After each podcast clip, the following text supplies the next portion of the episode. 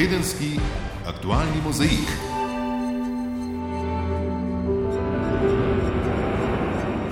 Spoštovane poslušalke, cenjeni poslušalci. Kje so časi, ko smo v januarskih dneh poročali o zimskih radostih in snežni idili? Še vedno govorimo o vremenu, le da so današnja poročila vse bolj podobna tistim iz mednarodnih kriznih žarišč. A če nas novice o krizah in spopadih puščajo ravnodušne, ker da so daleč od nas, je drugače s podnebnimi kriznimi pojavi. Tem se ne moremo izogniti, tako kot v primeru avstralskih požarov. Po napovedih NASA bo dim z avstralskih pogorišč vsaj enkrat obkrožil v svet, saj so delci dosegli stratosfero in bodo tam ostali še več mesecev. V dimu se dušijo tudi v naši neposredni soseščini, zaradi zasebnih kurišč, avtomobilov, zastarelih termoelektrarn. In kot poroča naš dopisnik Boštjan Anžin, ljudje protestirajo, oblast pa jih pomirja. Glavni argument oblasti tukaj je, da ni nič strašnega, da ni potrebna panika, da bo vsak čas zapihala košava in rešila problem. Zapihala bo košava in dim bo odpihnila stran. Medtem pa v Evropski uniji govorijo o podnebni neutralnosti. Kater veter pa te dni piha v Sloveniji, kam obrača naše politike, kam vladne in opozicijske stranke, kam se bo danes na kongresu obrnil Desus, na stran Karla Rjavca ali njegove izzivalke Aleksandre Pivec.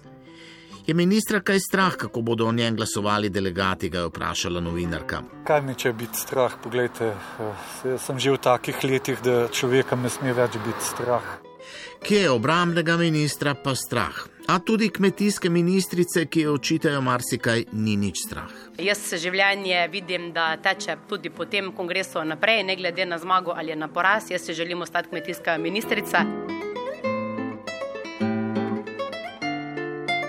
Tudi Marjana Šarca ni strah, da bi pretres v desosu lahko destabiliziral njegovo vlado. Sliši se, da mu je bolj kot Karel Rjavec pri srcu Aleksandra Pivec, a kongresa pravi, da ne bo spremljal. V spominu ima namreč tudi bolj zanimive dogodke. Ne bo tako, kot je bilo na 14. kongresu, kongresu Zveze komunistov leta 1990, tistega sem gledal eh, v neposrednem prenosu, pa malo zlato lisico na drugem programu. Eh, tega prenosa ne bo. V opoziciji pa, kot bi se že pripravljali, da prevzamejo šarčeve premijske dolžnosti. Te dni so iz SDS-a seznanili javnost s predlogom o novični uvedbi obveznega vojaškega roka. Slovenski fantje naj bi torej za pol leta spet oblekli vojaško suknjo, je napovedal nekdani obrambni minister Hojs. Ljudje podpirajo ponovno uvedbo naporniškega sistema, seveda v drugačnih rokih. A težava je v tem, da tudi če bi slovenski fantje v vrsti čakali pred nabornimi komisijami, tako kot nekoč njihovi dedje in pradedje, jih ne bi imeli kam dati. Lahko povemo, da smo danes sposobni sprejeti recimo 600 dodatnih nabornikov ali pa morda v najboljšem primeru ob nekih eh, zelo hitrih preureditvah 900 do 1000 teh ljudi da smo daleč od tega, da bi bili sposobni v enem letu zagotoviti 25 tisoč dodatnih pripadnikov in da seveda je potrebno na tem področju nekaj storiti. Zato upajmo, da nam bodo potencijalni sovražniki prizanesli, tako kot nam je očitno prizanesel Zoran Milanovič, novo izvoljeni hrvaški predsednik, ko je ob svoji izvolitvi za odnose Slovenijo dejal, da so na ničelni točki, on pa da jih bo izboljšal. Odnosi sa Slovenijom su nikakvi. Ja ću za odnose sa Slovenijom inače sigurno dići na jednu puno višu razinu. Sodeč po izjavi za hrvaško komercialno televizijo, pa je to že uresničil. Še predno je prevzel predsedniške dolžnosti. Za odnose s Slovenijo je dejal, da so skoraj optimalni. Na vprašanje, ali bi veljalo za spor v Piranskem zalivu uveljaviti nekakšen moratorij, pa je dejal, da ta že obstaja in da glede tega ni potrebno ničesar več podpisovati. Kot kaže, se lahko naša vlada, namesto da bi se ukvarjala s Hrvaško, posveti notranjim vprašanjem, naprimer zdravstvu in čakalnim vrstam. Iz ust vodilnih politikov lahko slišimo, da ta problem ni tako zelo pereč, da je včasih pač treba malo počakati. Predstavnik Nacionalnega inštituta za javno zdravje David Breznikar pa pravi, da stvari niso ravno rožnate in da gre še na slabše. Tako pri prvih pregledih kot pri terapevtsko-diagnostičnih storitvah se je v primerjavi z enakim dnem preteklega leta skupno število čakajočih povečalo. Pri pregledih za 10.475 oziroma 13 odstotkov, pri ostalih terapevtsko-diagnostičnih storitvah pa za 10.767 oziroma 10 odstotkov. Kar pa se tiče čakajočih uh, nad dopustno čakalno dobo, pa za prvi pregled beležimo v primerjavi s preteklim, le, preteklim dnem istega leta, da se je to število povečalo za 4529 oziroma za 14,5 odstotka.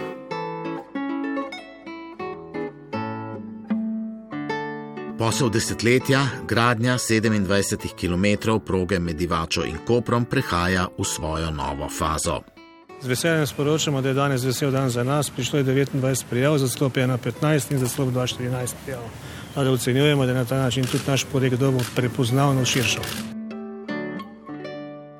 Po besedah predstavnika podjetja 2TDK si lahko slovenska podjetja obetajo podizvajalske posle in morda reference za kak prihodni posel. Če verjeti sporočilom iz Bele hiše, je Trumpova administracija nekoliko pritisnila na Kitajsko. Po delnem trgovinskem sporozumu bo ta morala kupovati več ameriškega blaga kar naj bi zmanjšalo tudi njeno investicijsko moč. Kljub temu pa se predsednik Trump ne bo mogel izogniti postopku za njegov odpoklic zaradi obtožb o zlorabi položaja in oviranja preiskave. Za zdaj vse kaže na zadostno republikansko podporo, a politika je nepredvidljiva, presenečenja se zgodijo, ko jih najmanj pričakujemo. Presenečenje je tudi vsakršna napoved spremembe sistema v Rusiji in povrhu še odstop vlade Dmitrija Medvedjeva. Zgodilo se je skoraj tako kot v starih sovjetskih časih, umirjeno, brez javnih polemik. In to je pravi izziv za analitike, ki bodo še nekaj časa z zanimanjem opazovali, ali se je moč predsednika Putina s tem povečala ali zmanjšala. O vsem tem in še čem v današnjem tedenskem aktualnem mozaiku. Moje ime je Marjan Vešljigaj. Vabljeni poslušanju. Tedenski aktualni mozaik. V Ljubljani torej poteka kongres Desusa, na katerem bo postalo jasno, ali bo Karel Rjavec še naprej ostal predsednik stranke ali bo v njegove čevlje vstopila kmetijska ministrica Aleksandra Pivec. Kampanjo je zaznamovalo burno dogajanje na relaciji Rjavec-Šarec-Pivec. Zanima nas, ali je to dogajanje čutiti tudi na kongresu, ki ga spremlja Nataša Mulec. Lepo pozdravljena. Bi lahko že napovedali zmagovalca kongresa? Ja, ta hip lahko postrežem le z napovedjo, da je Karel Rjavec v rahli prednosti. Vsaj tako se je končalo glasovanje v nadzoru nad štetjem glasovnic, razmerje med taboroma pa 118 proti 97 v pritarjavca. Ampak naj povdarim, da bo glasovanje tajno in je kot takšno nepredvidljivo. Glede dogajanja na kongresu pa smo lahko opazovali, da se je burna kampanja prenesla na kongres oziroma v razprave na njem. Delegati so se razdelili na dva tabora, očitki so tako leteli na račun Rjavca, da je rezultat Desusa izvolitev volitev slabši, na račun Pivčeve pa, da je do kandidature stranka ni zanimala in da ne pojasni spornih prejemkov za neopravljeno delo. Razdeljeno so v spredje postavili tako privrženci Rjavca kot Pivčeve in se strinjali v eni točki, da to ni dobro za stranko. Kot rečeno, bilo je burno v zadnjem obdobju. Karel Rjavec je napovedal celo odločanje o nadaljem sodelovanju v koaliciji, če ostane predsednik. Kaj bo torej za stranko ali za vlado pomenila zmaga Karla Rjavca oziroma Aleksandre Pivčeve? V politiki je pač tako, da se običajno nobena juha ne poje tako vroča, kot se skuha. In tako utegne biti tudi tokrat, tako glede desusa kot koalicije. Ta hip je mora biti še najbolj zamegljena nadaljna dinamika v poslanski skupini desusa, pa predlagam, da gremo kar lepo po vrsti. Dejstvo je, da bi bilo za premijeja Šarca zagotovo bolje, če bi zmagala Pivčeva. Iz njunih nastopov in izjav je opaziti kemijo, ki je v odnosih med Čalcem in Rjavcem ni celo nasprotno. Po umiku vojakov iz Iraka je zavel zavel hladen veter. Tisto, kar je za delovanje kakršne koli koalicije najbolj pomembno, pa so vedno seveda glasovi v državnem zboru. Poslanci bodo odločitev sprejeli v torek, tako da ta hip ni odgovora, kakšna bo dinamika v primeru zmage Erjavca in kakšna v primeru Pivčeve. Ter ob dejstvu, da je poslanec Robert Polner že doslej pri nekaterih ključnih odločitvah vlade pritiskal tipko proti. Vzdušje med poslanci pa je tako, da trije z vodjo na čelu podpirajo Erjavca, eden ne razkriva svoje podpore, eden je za Pivčevo. V Desusu medtem mirijo, da poslanska skupina ne bo razpadla in da bo po današnjem večeru vse tako, kot mora biti. Ne kažejo niti želje, da bi zapustili koalicijo in se priključili kakšni novi. Mora biti naj povem še, da koalicijski partneri ta teden niso mogli skriti, da si želijo končanja drame, ki jo je pred kongresom opazovala javnost, da bi se lahko začeli pogovarjati o delu.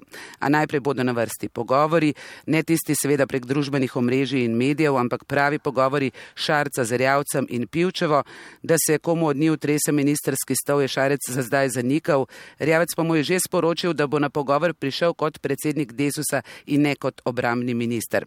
Mogoče bi javljanje končala z igro že slišanih besed ob krhanju odnosov Šarec mesec in sicer, da danes mogoče gledamo začetek konca ali konec začetka. Karkoli to pomeni, bomo seveda spremljali in poročali. Hvala, Nataša, lep pozdrav. Lep pozdrav. Ministrstvo za infrastrukturo je minuli teden objavilo zadnjo in najverjetneje tudi končno verzijo nacionalnega podnebno-energetskega načrta, ki opredeljuje politike in cilje prihodnih desetletij. Kako bomo pridobivali električno energijo, se ogrevali, potovali, kako bo delovala industrija. V Bruslu so ga od nas pričakovali že konec leta, nam so vezana evropska sredstva, a pristojni zatrjujejo, da se za nje ni bati. Po enomesečni javni razpravi ga bo predvidoma marca sprejela vlada. Komentar Ernest Rniša. Nacionalni energetsko-podnebni načrt je ključen dokument, ki definira naš prehod v brezoglično družbo, tako ga vsaj predstavljajo pristojni. Čez natanko 30 letja naj bi dosegli čas, ko izpusti toplogrednih plinov ne bodo nič večji od njihovih ponorov. Ni dvoma, to bo zahtevalo predrugačenje pridobivanja energije, načinov ogrevanja osebnega in tovornega prometa, industrijskih postopkov. Trenutno si verjetno malo kdo predstavlja, za kako velike družbene in gospodarske spremembe gre.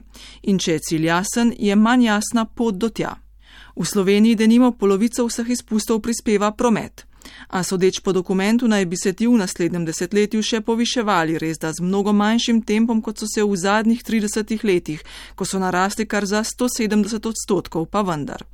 Celotna količina izpustov bo tako do leta 2030 sicer nižja, a vendar izračuni kažejo, da ne dovolj, da bi zadostili ciljem pariškega podnebnega sporazuma ali mimo grede predlaganega Evropskega zelenega dogovora. Predvsem pa bi več energičnosti pričakovali na področju energetike. Po letih ugibanj o prihodnih velikih investicijah in vrsti strategij, od katerih smo pričakovali odgovore, jih tudi ta dokument ne da. Bistven povdarek je na zmanjšanju rabe energije oziroma učinkovitejši rabi, kar je sicer tudi po sodbi stroke prava pot, a ob vse večji porabi elektrike si težko predstavljamo, da bo to dovolj. Vendar o tem izvemo le, da nove hidroelektrarne trenutno niso skladne z okoljsko zakonodajo. Nismo tega vedeli že prej. O tem, ali bomo gradili drugi blok nuklearke ali ne, eksplicitno ni govora. Predvsem pa je nejasna usoda termoelektrarne Šoštan, natančneje rabe premoga.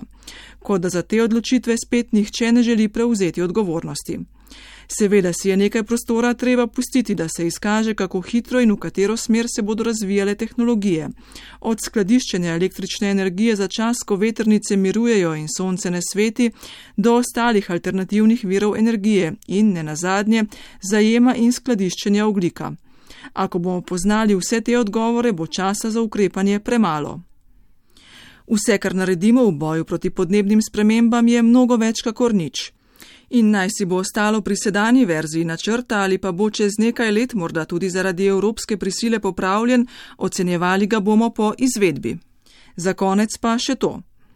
V preteklosti se je že izkazalo, da smo pomembne investicije, ne glede na to, kaj si zdaj mislimo o njih, že speljali tudi mimo strateških dokumentov. Evropska komisija je ta teden predstavila naložbeni načrt za socialno pravično uresničitev cilja podnebne neutralnosti do leta 2050.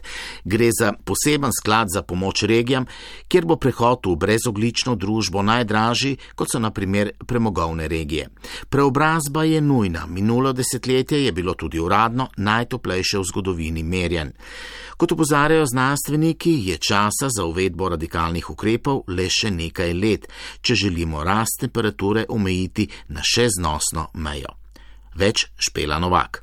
Skladom za pravičen prehod v podnebno neutralno družbo bo Unija pomagala državam in regijam, ki so močno odvisne od fosilnih goriv, kot je Poljska. Today started the European Green Deal Investment Fund. V naslednjem desetletju bomo investirali tisoč milijard evrov. Gre za evropska in nacionalna, javna in zasebna sredstva, namenjena za naložbe v zeleno tranzicijo, nova delovna mesta in okolju prijazne tehnologije, je povedala predsednica Evropske komisije Ursula von der Leyen. Podpredsednik komisije zadolžen za zeleni dogovor Franz Timmermans pa.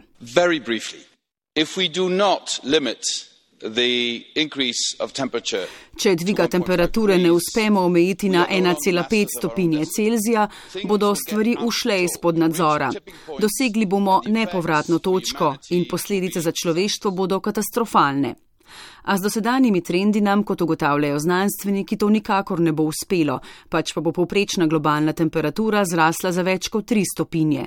Med posledicami pa pogosti vročinski valovi ter še hujše suše v krajih, kjer dežja že zdaj primankuje, na drugi strani pa obilne padavine s poplavami tam, kjer imajo zaradi tega že zdaj težave.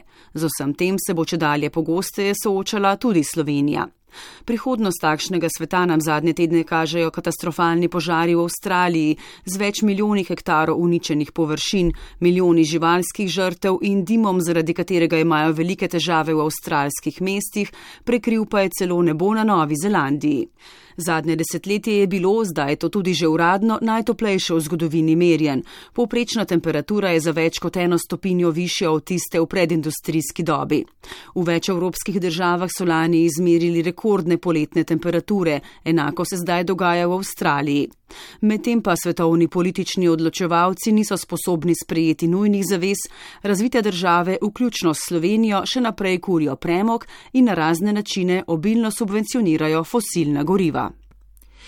V minulem tednu smo znova spremljali tematiko o čakalnih dobah v zdravstvu. Podatki Nacionalnega inštituta za zdravje kažejo, da se nedopustno dolge čakalne dobe še podaljšujejo, zato je zdravniška zbornica spisala interventni zakon o stabilizaciji zdravstvenega sistema, po katerem predlaga vključitev vseh tudi zasebnih izvajalcev odpravljanje čakalnih vrst. Minister Aleš Šabeder sicer podatkom o čakalnih vrstah ne verjame, zato krivi Nacionalni inštitut za zdravje, medtem pa zdravstveni inšpektorat nepravilnosti ugotavlja pri izvajalcih. Več Helena Lovinčič. Zadnje leta denar, ki je namenjen krajšanju čakalnih vrst, ostaja v precejšnjem delu neporabljen, ker javni izvajalci ne zmorejo povečati količine dela tako zaradi pomankanja kadra kot tudi drugih zmogljivosti. Zato zbornica ponuja svojo rešitev, predsednica zbornice Zdenka Čebašek Travnik. Predlog zakona gre ravno v to, da bi v tistih primerih, kjer so čakalne dobe nedopustno dolge in jih ne moremo zagotoviti na drugačen način, da bi v tistih primerih po a, seveda odloku vlade smeli angažirati vse razpoložljive kapacitete in to pomeni tiste zdravniške time, ki imajo dovoljenje za delo, skratka, ki so že v nekem a, delovnem procesu v okviru zdravstva. Zakon ponuja tudi novo statusno obliko dela, to je svobodnega zdravnika, ki bi lahko prek SP-ja sklepal pogodbe tudi z javnimi izvajalci. Sej da zdravniki nezadovoljni z delovnimi pogoji vse bolj odhajajo iz javnega sektorja v zasebno delo ali pa v tujino. Minister Šabeder v zakonu vidi določene prednosti. Je pravzaprav je tudi nekaj dobrih predlogov, a, imamo nekaj pomislekov, potrebno je uskladiti številke, ki po naših izračunih. A, niso ta prave, tako da bomo pa zagotovo se usedli tudi z zdravniško zbornico in o tem predlogu resno podebatirali. Medtem pa vse več bolnikov čaka na določeno zdravstveno storitev. V letu dni se je skupno število čakajočih povečalo za 23 odstotkov, najbolj na prvi pregled. David Breznikar iz NIJZ. Kar pa se tiče čakajočih uh, nad dopustno čakalno dobo, pa za prvi pregled beležimo v primerjavi s preteklim, le, preteklim dnem istega leta, da se je to število povečalo za 4529 oziroma za 14,5 odstotka. Uh, pri terapevtskih diagnostičnih storitvah pa je ta uh, številka malo manjša oziroma se je tukaj se je število čakajočih povečalo za 50 oseb oziroma za nič cela ena odstotka. Je pa tako, no, če primerjamo to s čakalnimi dobami za lansko leto, se pravi za 1. decembar 2018, uh, se pač opazi, da so se čakalne dobe nekaj povečale za nekaj dni, uh, zlasti pri ortopedskih storitvah, se pravi operacija nožnega palca, hrbtenice in do proteze gležna, kolena, kovka. Uh, od pregledov bi lahko tukaj izpostavili uh, reumatološki prvi pregled, kjer se je povprečna čakalna doba v zadnjem letu povečala za 50 dni. Potem imamo diagnostike tukaj še magnetno resonanco, recimo celotne hrbtenice, glave, kolena, na splošno magnetno resonanco skeleta. Seveda imamo pa po drugi strani tudi storitve, kjer pa opažamo, da se je povprečna čakalna doba na prvi termin uh, skrajšala. Tako lahko izpostavimo recimo diagnostike, recimo ultrazvok sklepa, kjer se je povprečna čakalna doba skrajšala za 7 dni. Potem od prvih pregledov lahko izpostavimo dermatološki pregled, kjer se čakalna doba skrajša za 12 dni, pa potem reumatološki pregled otroka, kjer se čakalna doba skrajša za en mesec, nevrološki pregled, kjer se je čakalna doba skrajšala v povprečju za 47 dni. Naj vas opozorimo, prvi termin za operacijo nožnega palca v Ljubljanskem UKC je možen čez 4500 dni, za abdominalno aorto v Izoli čez 3900 dni. Na prvi kardiološki pregled v Murski soboti pa boste čakali 1000 dni.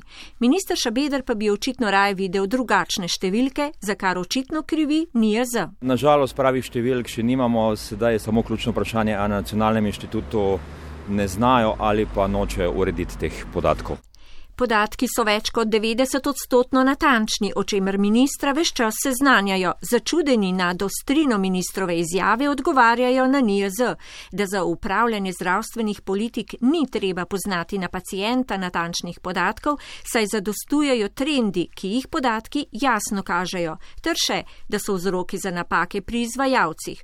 To potrjuje tudi zdravstveni inšpektorat, ki je lani opravil pregled pri vseh izvajalcih. Andreja Mojškarc.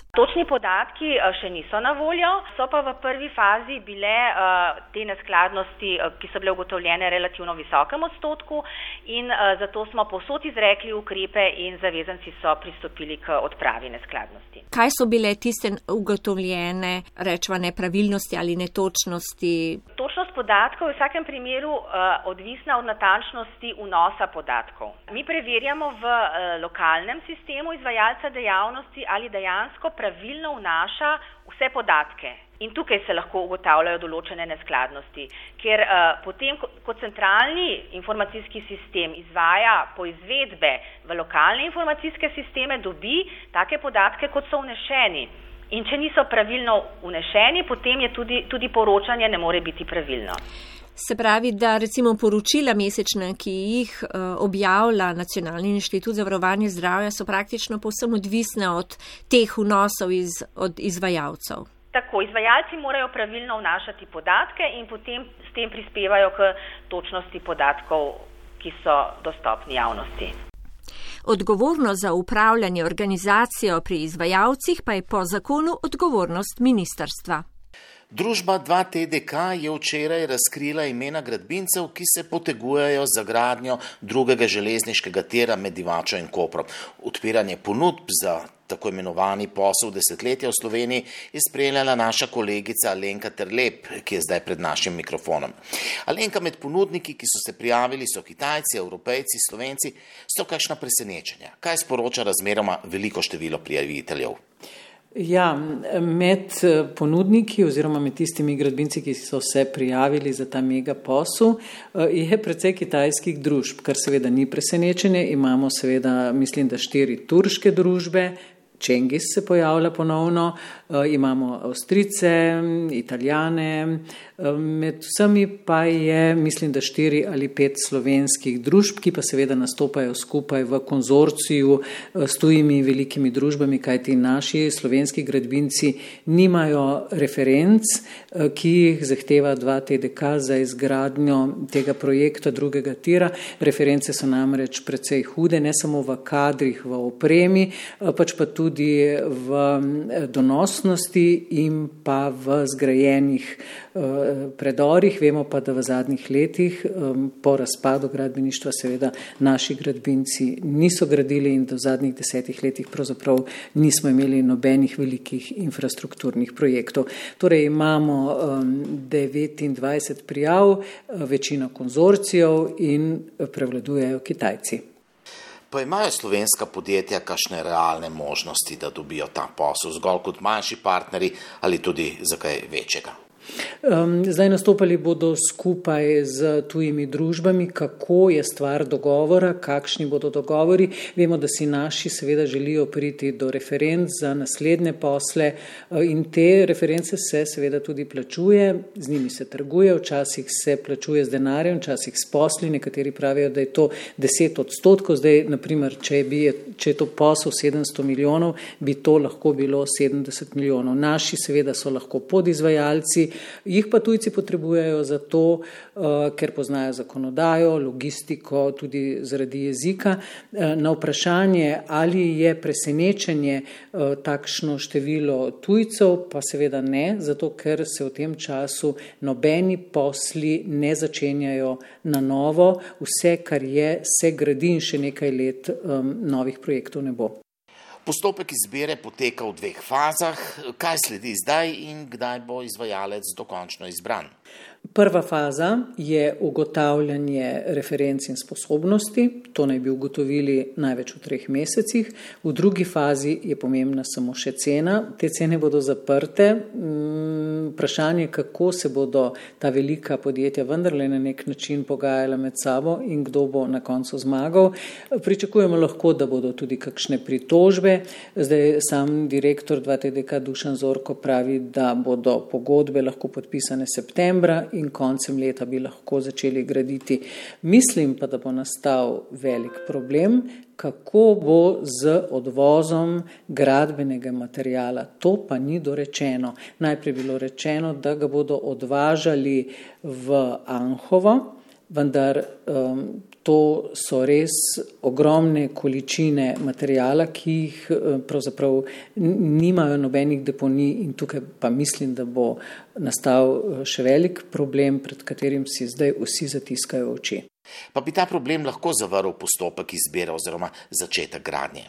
Ne more ovirati postopkov, lahko pa morda začne ovirati samo gradnjo, če do septembra tega ne bodo rešili. Alenka, najlepša hvala. Tedenski aktualni mozaik. Ostajamo v poslovnem svetu, a nekoliko bolj globalnem. V četrtek je ameriški predsednik Trump s kitajskim podpredsednikom vlade podpisal sporozum o prvi fazi trgovinskega dogovora med državama. Označil ga je za zgodovinskega. Kitajska je namreč pristala na to, da bo v naslednjih dveh letih povečala uvoz iz ZDA za dodatnih 200 milijard dolarjev. Medtem pa v mednarodnih finančnih krogih menijo, da delni sporozum med obema gospodarskima velikankama ni v skladu s pravili Svetovne trgovinske organizacije. Več o tem iz Pekinga naš dopisnik Uroš Lipušček. Glavni cilj delnega trgovinskega sporazuma je omogočiti predsedniku Trumpu, da razglasi zmago v 18 mesecev trajajoči trgovinski vojni in s tem pridobi pomembne točke v boju za ponovno izvolitev. Ta cilj je Trump brez dvoma dosegel, vprašanje pa je, ali je delni sporazum tudi izvedljiv in ali ne bo povzročil novih trgovinskih vojn. V Pekingu, kjer vodijo na mednarodnem področju zelo pragmatično politiko, so izbirali med dvema slabima možnostima stopnevanjem trgovinske vojne, saj je Trump napovedal, da bo s 15. januarjem uvedel dodatne carine na praktično ves uvoz iz Kitajske ali delnim sporazumom, ki bo omogočil vsaj kratkotrajno premirje. Gospodarska rast Kitajske je namreč lansko leto padla na 6,1 odstotka, kar je spodna meja, ki še omogoča zaposlovanje večine nove generacije, ki se vsako leto pojavi na kitajskem trgu delovne sile. Zaposlenost je namreč glavna skrb kitajskih oblasti, saj omogoča politično stabilnost. Politbiro Kitajske komunistične partije je zato odobril sporazum, čeprav je kljub izjavi predsednika Xi Jinpinga, da je dober tako za Kitajsko kot tudi za ZDA in ves svet, sporen v mnogih pogledih. Analitiki podarjajo, da je Trump v bistvu posilil Kitajsko, da je pristala na sporazum, ki uvaja državno dogovorjeno trgovino z naprej določenimi kvotami v posameznih kategorijah, kar je v popolnem nasprotju z osnovnim načelom Svetovne trgovinske organizacije, to je načelom nediskriminacije. Glede na to, da kitajska gospodarska rast ne omogoča tako visokega dodatnega uvoza iz ZDA, bodo v Pekingu delni sporazum verjetno lahko uresničili samo tako, da bodo znižali uvoz iz ostalih držav.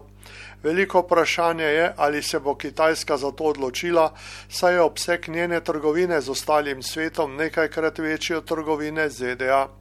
Podpredsednik vlade Liu He je takoj po podpisu sporozuma poskušal pomeriti ostale partnerje zagotovilom, da jih Kitajska zaradi najnovejšega sporazuma ne bo diskriminirala. Visoki funkcionari kitajske vlade so takoj po podpisu tudi veleposlaniku EU v Pekingu zagotovili, da bo Kitajska spoštovala dogovore z Evropsko unijo, ki je največji kitajski gospodarski partner. Kljub temu, da očitno v Bruslu nasprotujejo najnovejšemu dogovoru, pa evropski diplomati povdarjajo, da so ZDA in EU, kar zadeva napovedane reforme Svetovne trgovinske organizacije in zahteve po večji odprtosti kitajskega tržišča v istem čovnu. V Bruslu igrajo očitno še naprej na obe karti, vprašanje pa je, ali bo takšna politika uspešna v procesu dogovarjanja novega investicijskega sporazuma med Kitajsko in EU, ki naj bi ga sprejeli do konca leta. Analitiki se sprašujejo, ali je delni dogovor sploh uresničljiv. Oblasti v Pekingu naprimer ne morejo prisiliti ljudi, da bi poslej kupovali predvsem ameriške osebne avtomobile, ki so na kitajskem vse prej kot popularni. Vprašanje je tudi, ali se bodo ameriški farmari odločili za velike investicije, ki so potrebne za to, da bi podvojili izvoz, s čimer bi ameriško kmetijstvo postalo še bolj odvisno od Kitajske. Večji ameriški izvoz bo po drugi strani mogoč samo, če bodo v Pekingu odpravili carine na ameriške izdelke, kar je težko pričakovati. Če Kitajska ne bo izpolnila obvesi sporazuma, napoveduje Trump ponovno zvišanje carin. Če je torej še veliko. Veliko vprašanje je tudi, ali je sklenitev druge faze trgovinskega sporazuma mogoča, ker ZDA ustrajajo pri sistemskih spremembah, ki bi pomenile konec socializma s kitajskimi značilnostmi. Očitno je najnovejši sporazum samo kratek predah v nadaljevanju trgovinske vojne med obema stranema z globalnimi posledicami. Vemo, da se ameriški predsednik Donald Trump ukvarja še z drugimi zadevami, ne le s trgovinskimi sporazumi s Kitajsko, med drugim s postopkom za njegov odpoklic, ki so ga sprožili demokrati. Postopek se je iz predstavniškega doma ameriškega kongresa preselil v senat in s tem iz faze ustavne obtožbe prešel v dejansko sojenje. Kako se bo razpletla četrta zgodba odpoklica predsednika v ameriški zgodovini, naj bi izvedeli še pred koncem februarja. Podrobneje o tej temi pa v prispevku Luke Rubida. Strankarska disciplina je tudi pri tokratnem glasovanju prestala preizkušnjo. 228 glasov za in 193 proti resoluciji o formalnem prenosu ustavne obtožnice predsednika Trumpa iz predstavniškega doma ameriškega kongresa v senat. Razmerje glasov je skoraj enako tistemu ob glasovanju o posameznih členih ustavne obtožbe predsednika. Ta ga v prvem členu bremeni zlorabe pooblastil, v drugem pa obtožuje oviranja dela kongresa. President Trump put his own personal interests above the national interests. Predsednik Trump je lastni interes postavil ne le pred nacionalni interes, ampak pred nacionalno varnost in če se ga ne ustavi, bo kaj takega ponovil. To je razlog za ustavno obtožbo. Zato gre ta primer zdaj v senat. Edino primerno sredstvo v tem primeru je ukrepanje, da se Donalda Trumpa umakne z položaja, je dejal demokratski predstavnik Adam Schiff. Vodja republikanske manjšine v predstavniškem domu Kevin McCarthy pa je s krušenim glasom ugotavljal, da je bila dobra stvar na tisti, za žalostni dan, ta, da prihajajo spremembe, saj imajo v Združenih državah glas ljudje. Ne pa zgolj demokratska stranka. Politika je polarizirana, opazujemo diametralno nasprotne poglede demokratov, ki so protagonisti od poklica ter Trumpovih političnih sopotnikov iz republikanskega tabora. Naj torej neodvisno presodi nekdo tretji. Kaj res? Sodil bo senat, v vlogi porotnikov bodo senatorji strankarsko razklani v razmerju 53 proti 47 uprit republikancev, kar nakazuje tudi končni izid. Za odpoklic je potrebna dvotretinska večina, demokrati nimajo nenavadne večine, stranka republikancev pa trdno stoji za predsednikom. Ta bi zadeve rad zaključil po hitrem postopku, da bi ga v senatu oprali krivde, a zastor predstave v senatu bo padel nekako v roku petih tednov. V predstavo pa si želijo republikanci vključiti še nekaj akterjev, močnih prič, kot je denimo nekdani svetovalec za nacionalno varnost John Bolton. Tudi predsednikovi advokati bi lahko zahtevali priče, predsednik bi si najraje želel slišati pojasnila Joea Bidna, zdaj najmočnejšega kandidata za demokratsko predsedniško nominacijo in njegovega sina Hunterja. Ta je, spomnimo, sedel v upravnem odboru zasebnega plinskega podjetja Borisma v Ukrajini.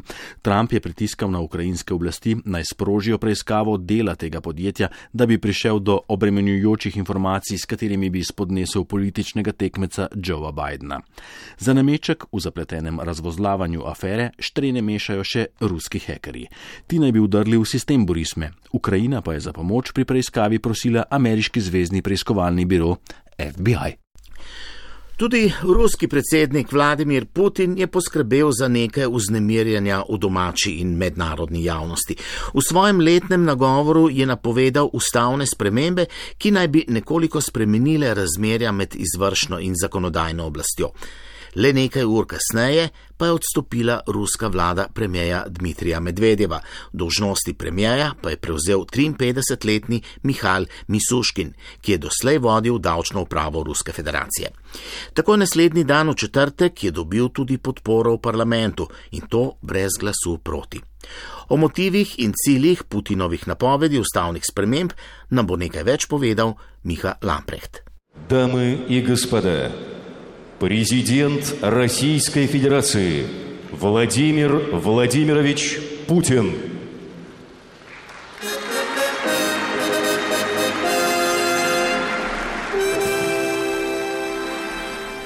Ob večurnem, sicer tradicionalnem Putinovem nastopu je med drugim zanimivo, da je najslajše prišlo ob koncu govora, zadeva pa najbolj pogosto vprašanje, koliko časa in na kakšen način bo Putin še vodja Rusije, se že dve desetletji drži v rokah in vodi rusko državo. Če smo natančnejši, lahko rečemo, da je bilo pravzaprav vprašanje časa, kdaj bo prvi mož Kremlja razgrnil karte. Leta 2024 bo končal predsedniški mandat, skladno z rusko ustavo formalno pravno ne bi mogel znova kandidirati, saj je prezidentstvo omejeno na dva zaporedna predsedniška mandata. Знаю также, что в нашем обществе обсуждается конституционное положение о том, что одно и то же лицо не Zavedam se razprav v naši družbi, ki zadevajo ustavno določilo, da ni mogoče biti predsednik države več kot dva mandata zapored.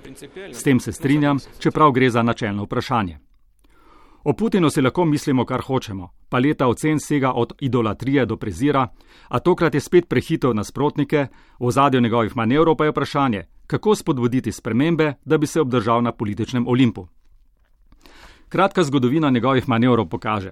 Leta 1999 je postal premije, dotedajni predsednik moderne Rusije, zdravstveno šibak Boris Jelcin pa mu je funkcijo vršilca dožnosti predsednika predal, ko je od njegove varnostne službe dobil zagotovilo, da ga ne bodo kazansko preganjali.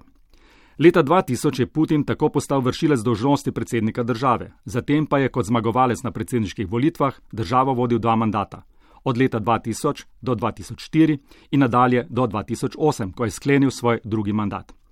V letih 2008 do 2012 je bil drugič premije, predsednik pa je postal njegov zvesti prijatelj, šef naftnega giganta Gazprom Dmitrij Medvedev. Leta 2012 sta najvišja oblastna položaja izmenjala in Putin je po volitvah leta 2012 prevzel predsedniško funkcijo do leta 2018, ki jo je na volitvah 2018 podaljšal in ta naj bi se iztekla leta 2024. Še pomembna nadrobnost. Že leta 2008 je bil sprejet poseben zakon, ki je predsedniški mandat štiri podaljšal na šest let in posem jasno je, zakaj. Putinu so naklonjeni ruski domoljubi, ruska pravoslavna crkva, zaenkrat tudi disciplinirani oligarhi, manj pa seveda glasniki legebitra gibanja, zagovorniki skupine Pussy Riots in opozicija z najglasnejšim oponentom Aleksejem Navalnim na čelu.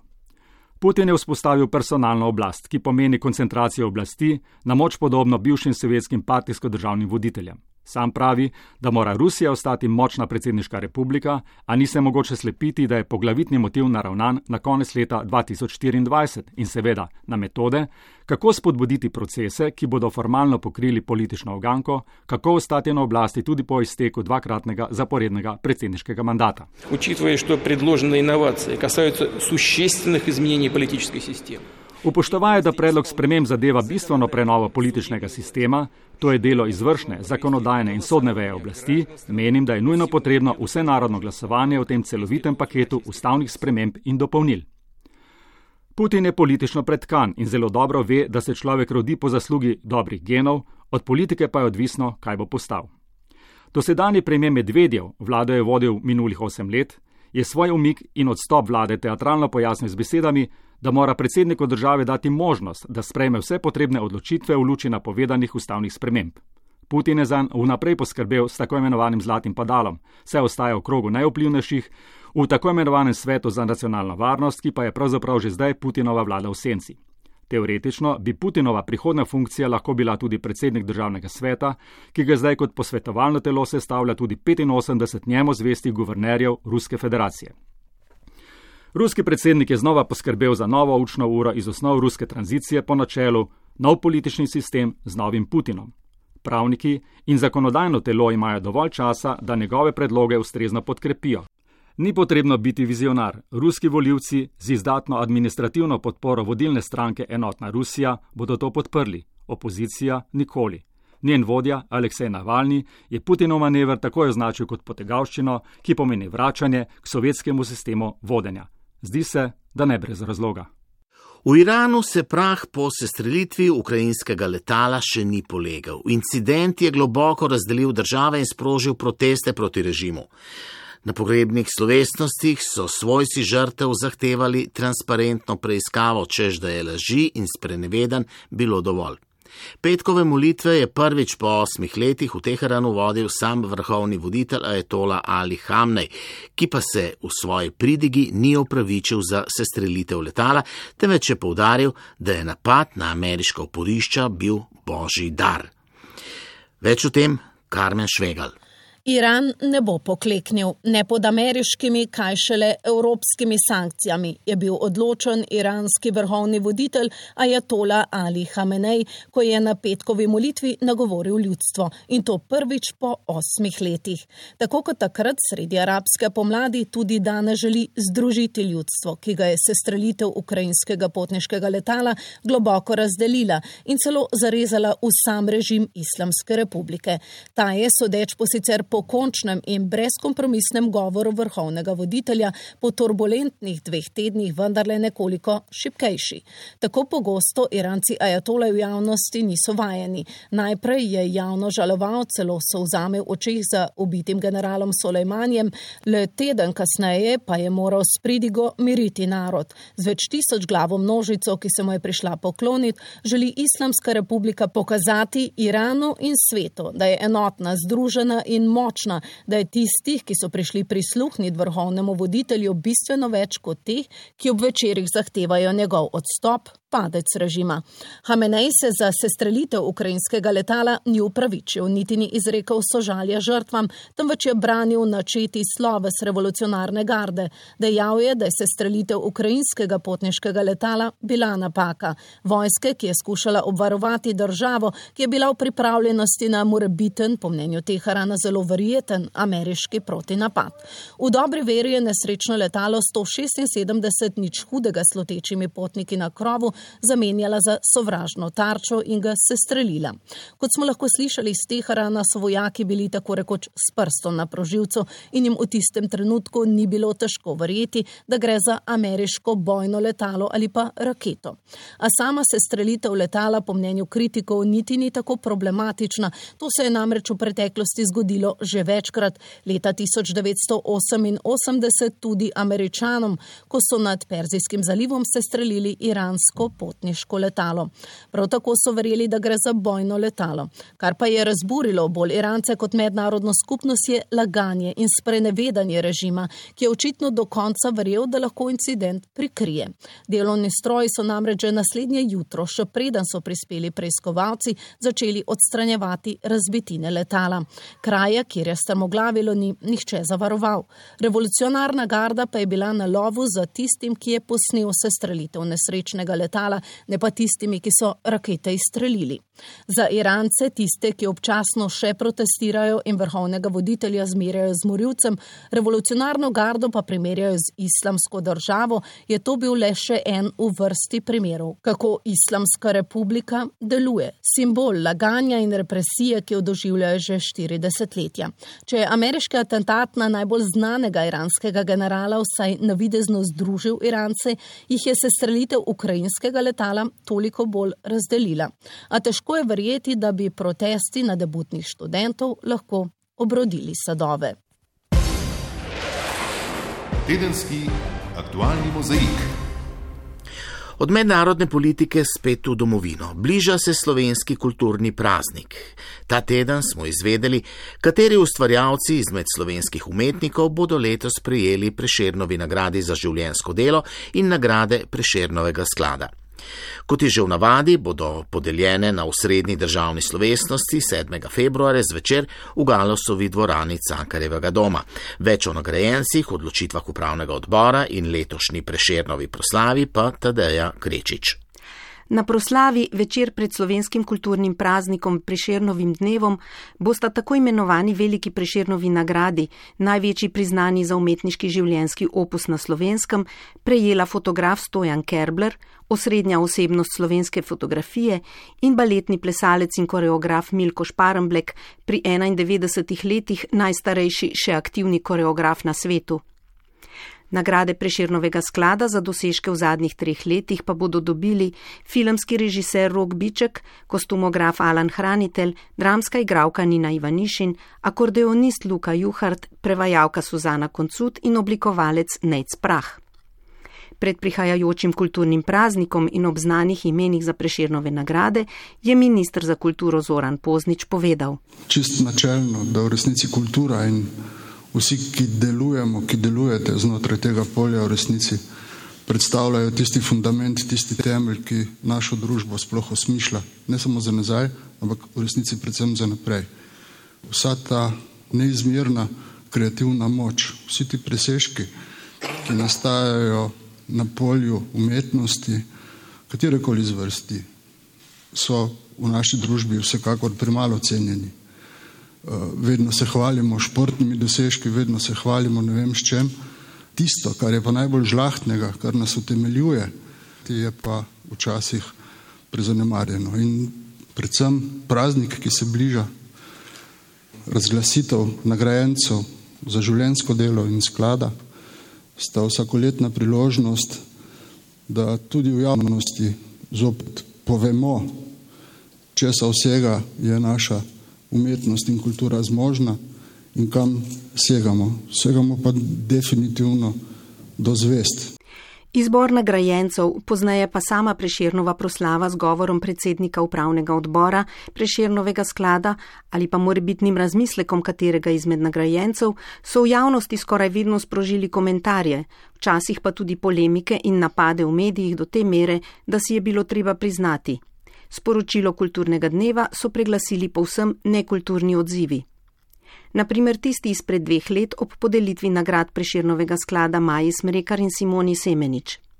Morda se je tudi zato Iri Ratej, predsednici upravnega odbora Preširnovega sklada, tokrat zdelo pomembno povdariti, da je Preširnova nagrada ena najbolj demokratičnih, saj more kandidate za nagrado predlagati kdorkoli v Sloveniji. Potem pa je pojasnila, kako je potekal letošnji nabor in izbor nagrajencev. Letos smo prejeli 104 predloge za nagrade, od tega 63 za nagrado Prešernovega sklada in 41 za Prešernovo nagrado. Tokrat so nam strokovne komisije obravnavo posredovali 20 predlogov, od tega 7 za Prešernovo nagrado in 13 za nagrado Prešernovega sklada. Kot vsa tri leta smo se tudi tokrat odločali na podlagi strokovnih argumentov in po temeljitem pregledu umetniških opusov in posameznih del. Vsakoletni izbor prejemnikov preširnovih nagrad tako nikakor ni rezultat partikularnih osebnih okusov, temveč poglobljene, interdisciplinarne, strokovne presoje in strpne diskusije na visoki ravni. Režiser letošnje preširnove proslave bo Vito Taufer, ki povdarja, da bo prireditev raznolika, sproščena, oprta na preširnova sporočila v zdravlici, hkrati pa da bo tudi kritična in ironična. Tedenski aktualni mozaik. Spoštovane poslušalke, cenjeni poslušalci, preden se poslovimo, se ozrimo še malce v dogajanje v prihodnjem tednu. Povejmo najprej, da se bodo tako doma kot v tujini vrstile slovesnosti ob svetovnem dnevu spomina na holokaust, ki bo 27. januarja. Sicer pa se v torek v Davosu začenja zasedanje Svetovnega gospodarskega foruma, v sredo bo grški parlament volil novega predsednika, oziroma, kot kaže, bodo Grki prvič v zgodovini dobili predsednico. Dan kasneje se bosta v Carigradu srečala Angela Merkel in Recep Tayyip Erdogan. Pri nas pa bo stečajni upravitelj Adrije Airways na dražbi prodajal dovoljenja za upravljanje letalskih prevozov Adrije. Za mnoge ni nepomembno tudi spomniti, da se prihodnjo soboto začenja kitajsko lunarno novo leto. Do takrat pa se poslavljamo novinarke in novinari Nataša Mulec, Erna Strniša, Špela Novak, Helena Lovinčič, Alenka Terlep, Uroš Lipušček, Luka Robida, Miha Lamprecht, Karmen Švegal, Tadeja Krečič, pa tehnik Ambrož Cirej in urednica Erika Štular. Moje ime je Marjan.